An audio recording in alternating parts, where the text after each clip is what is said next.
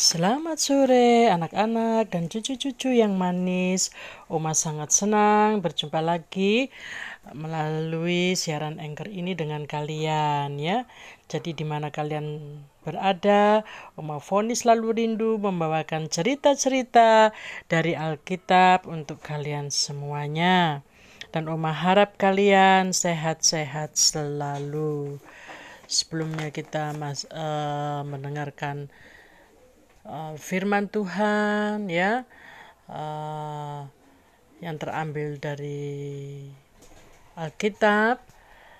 Uh, sama-sama berdoa dengan Oma ya anak-anak dan cucu. Mari kita berdoa.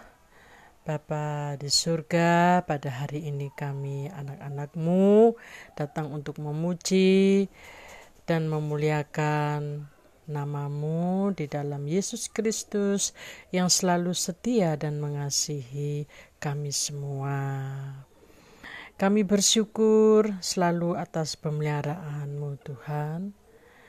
Di hari lepas hari dengan keadaan situasi di mana kami saja berada, baik di rumah, di tempat uh, kami belajar di sekolahan, ya di mana saja kami berada, Tuhan selalu ada buat kami. Dan oleh sebab itu, kami selalu bersuka cita oleh karena Tuhan memelihara dan memberi kekuatan, kesehatan, berkat melimpah atas kami, begitupun juga dengan orang tua kami. Kesehatan juga Tuhan tambahkan, tambahkan terus bagi kami. Terima kasih Tuhan Yesus. Uh, kesempatan pada sore hari ini, Engkau juga memberi uh, kami uh, sebagai anak-anakmu untuk mendengarkan firman Tuhan melalui acara siaran Anchor ini uh, di dalam nama Tuhan Yesus kami selalu mengucap syukur. Amin. Ya. Kali ini Oma akan melanjutkan kisah tentang kebesaran Salomo, ya keturunan Daud serta keturunannya dan keluarganya selamat daripada eh daripada Tuhan ya sampai selama-lamanya. Kemudian Raja Salomo mengangkat Benaya bin Yoyada menjadi kepala tentara, mengangkat juga Imam Sadok menggantikan Imam Aba Abiatar. Dan mengenai Simei, nah, anak-anak dan cucu-cucu, ini kalian bisa membacanya dari kitab satu Raja-Raja pasal 2 ayat 36 hingga 46. Ini Oma beri tugas ya. Oma harap uh, kalian jangan lupa untuk membacanya ya. Nah, maka tentramlah suatu negara yang dipimpin oleh Raja Salomo yang bijaksana. Salomo sangat patuh dan setia akan Tuhan. Di dalam perjalanannya, ia pergi ke Mesir. Ya, tentunya perjalanan yang ia tempuh sangat jauh. Wah, pasti naik unta ya anak-anak dan cucu-cucu sebab kendaraan uh, dahulu ya raja-raja itu kalau perjalanan jauh naik unta ya. Uh, sebab unta itu uh, hewan yang mahal sekali. Jadi hanya dinaiki oleh raja-raja ya pembesar-pembesar kerajaan ya. Sebab uh, unta itu hewan yang paling kuat di padang gurun ya. Sesampainya di Mesir, ia mendapatkan seorang yang cantik ya eh, atau seorang putri yang cantik ya. Putri ini adalah anak Firaun. Nah, jadi Salomo menjadi anak menantu raja Firaun. Kemudian ia membawa istrinya pulang ke kota Daud. Sebab istana yang dibangun belum selesai serta rumah Tuhan juga ya dan tembok uh, sekeliling Yerusalem juga belum selesai. Jadi bangsa ini masih mempersembahkan korban di bukit-bukit pengorbanan. Lah pada suatu hari raja pergi ke Gibeon. Tempat ini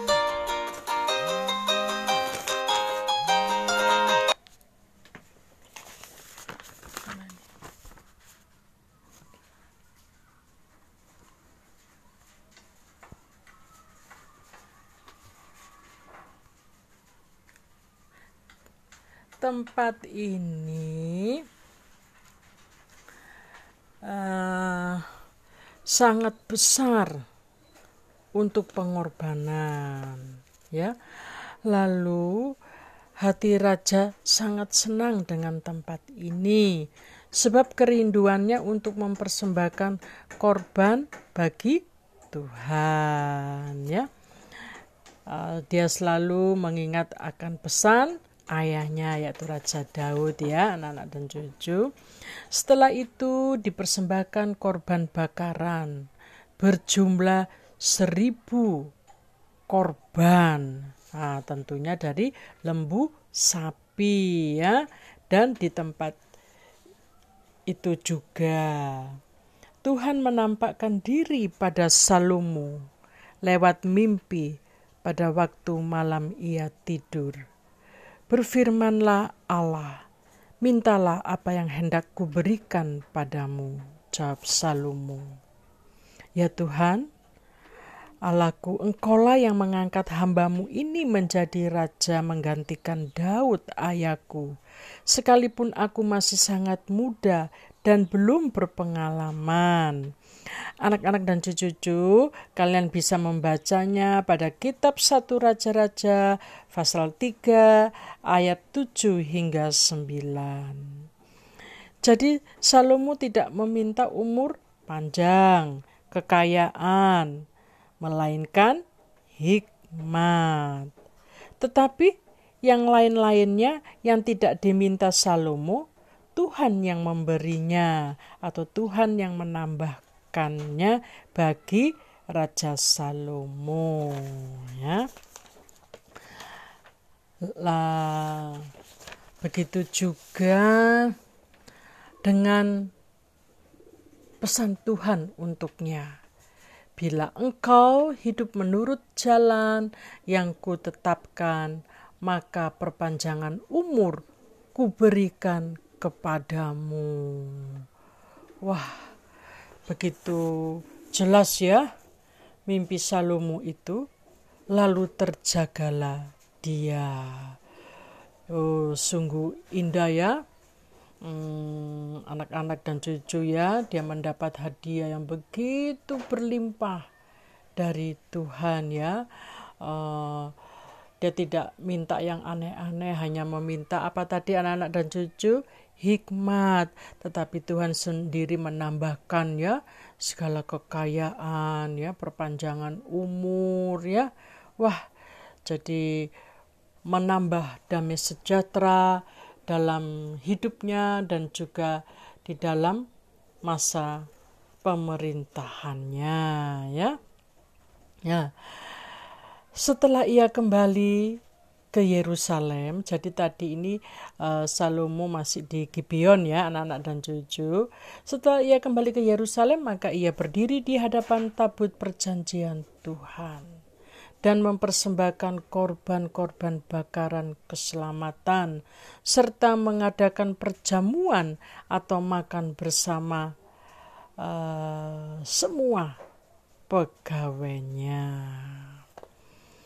Selang beberapa waktu untuk pertama kalinya ia uh, menjadi raja ya uh, maksudnya Oma untuk pertama kalinya ia menghakimi dua orang ibu. Waktu Raja Salomo ini ya sudah duduk di atas takhta tahtanya. Lah kedua orang ibu ini mengaku bahwa ia hidup itu adalah yang hidup itu adalah anaknya. Sedangkan yang mati milik ibu yang telah menidurinya atau tertindih uh, membuat anak itu jadi mati. Tetapi ibu yang sebenarnya uh, anaknya itu tidak mati. Uh, ia menyangkal ya ia tidak terima.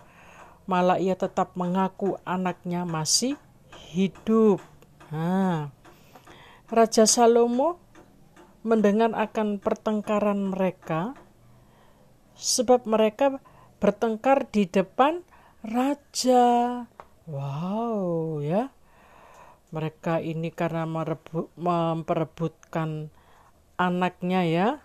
Uh, mereka saling menjatuhkan supaya um, yang anaknya tadi ibu yang tadi yang sudah anaknya sudah mati bisa kembali ke pangkuannya tetapi uh, Raja Salomo dia dipenuhi hikmat ya dari Tuhan sehingga dia tidak begitu mudah percaya kepada kedua ibu itu lebih-lebih yang mengaku kalau anaknya masih hidup padahal anak ibu itu tadi sudah mati. Wow, orang-orang banyak yang hadir juga merasa kebingungan. Wah, ini uh, dua ibu ini gimana ya? Nah, karena Raja Salomo yang penuh hikmat dari Allah, ia menyuruh pengawal raja untuk mengambil sebilah pedang.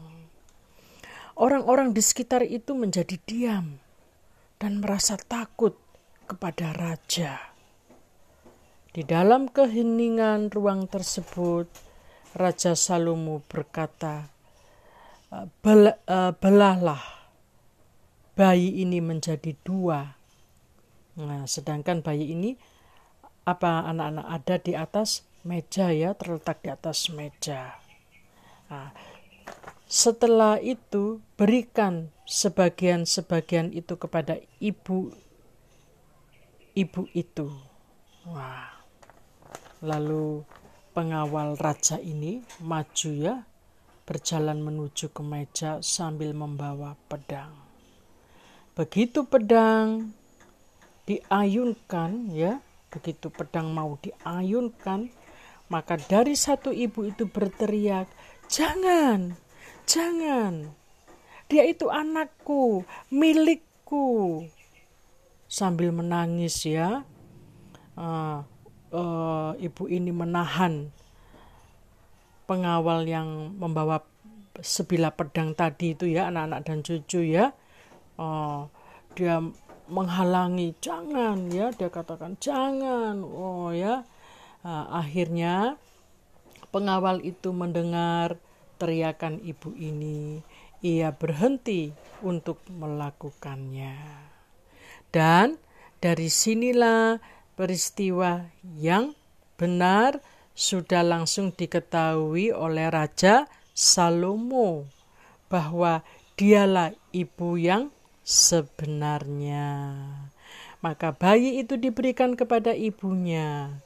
Orang-orang Israel yang hadir uh, pada itu uh, mereka takjub ya melihat keputusan Raja Salomo ya. Mereka juga pergi uh, sambil bingung-bingung, aduh ya.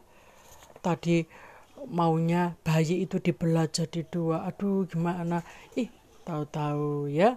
Itulah uh, kebenaran yang Tuhan selalu berikan kepada Raja Salomo untuk mengambil satu sikap keputusan yang bijaksana ya uh, lalu Mereka sangat mengagumi akan keputusan raja. Ibu muda itu pun sangat berbahagia setelah mendapatkan anaknya kembali ya. Demikianlah cerita dari Oma untuk anak-anak serta cucu-cucu semuanya. Lain waktu dan ada kesempatan pasti Oma sambung lagi ya ceritanya. Jangan lupa berdoa dan harus rajin belajar. Tuhan Yesus memberkati kalian semua.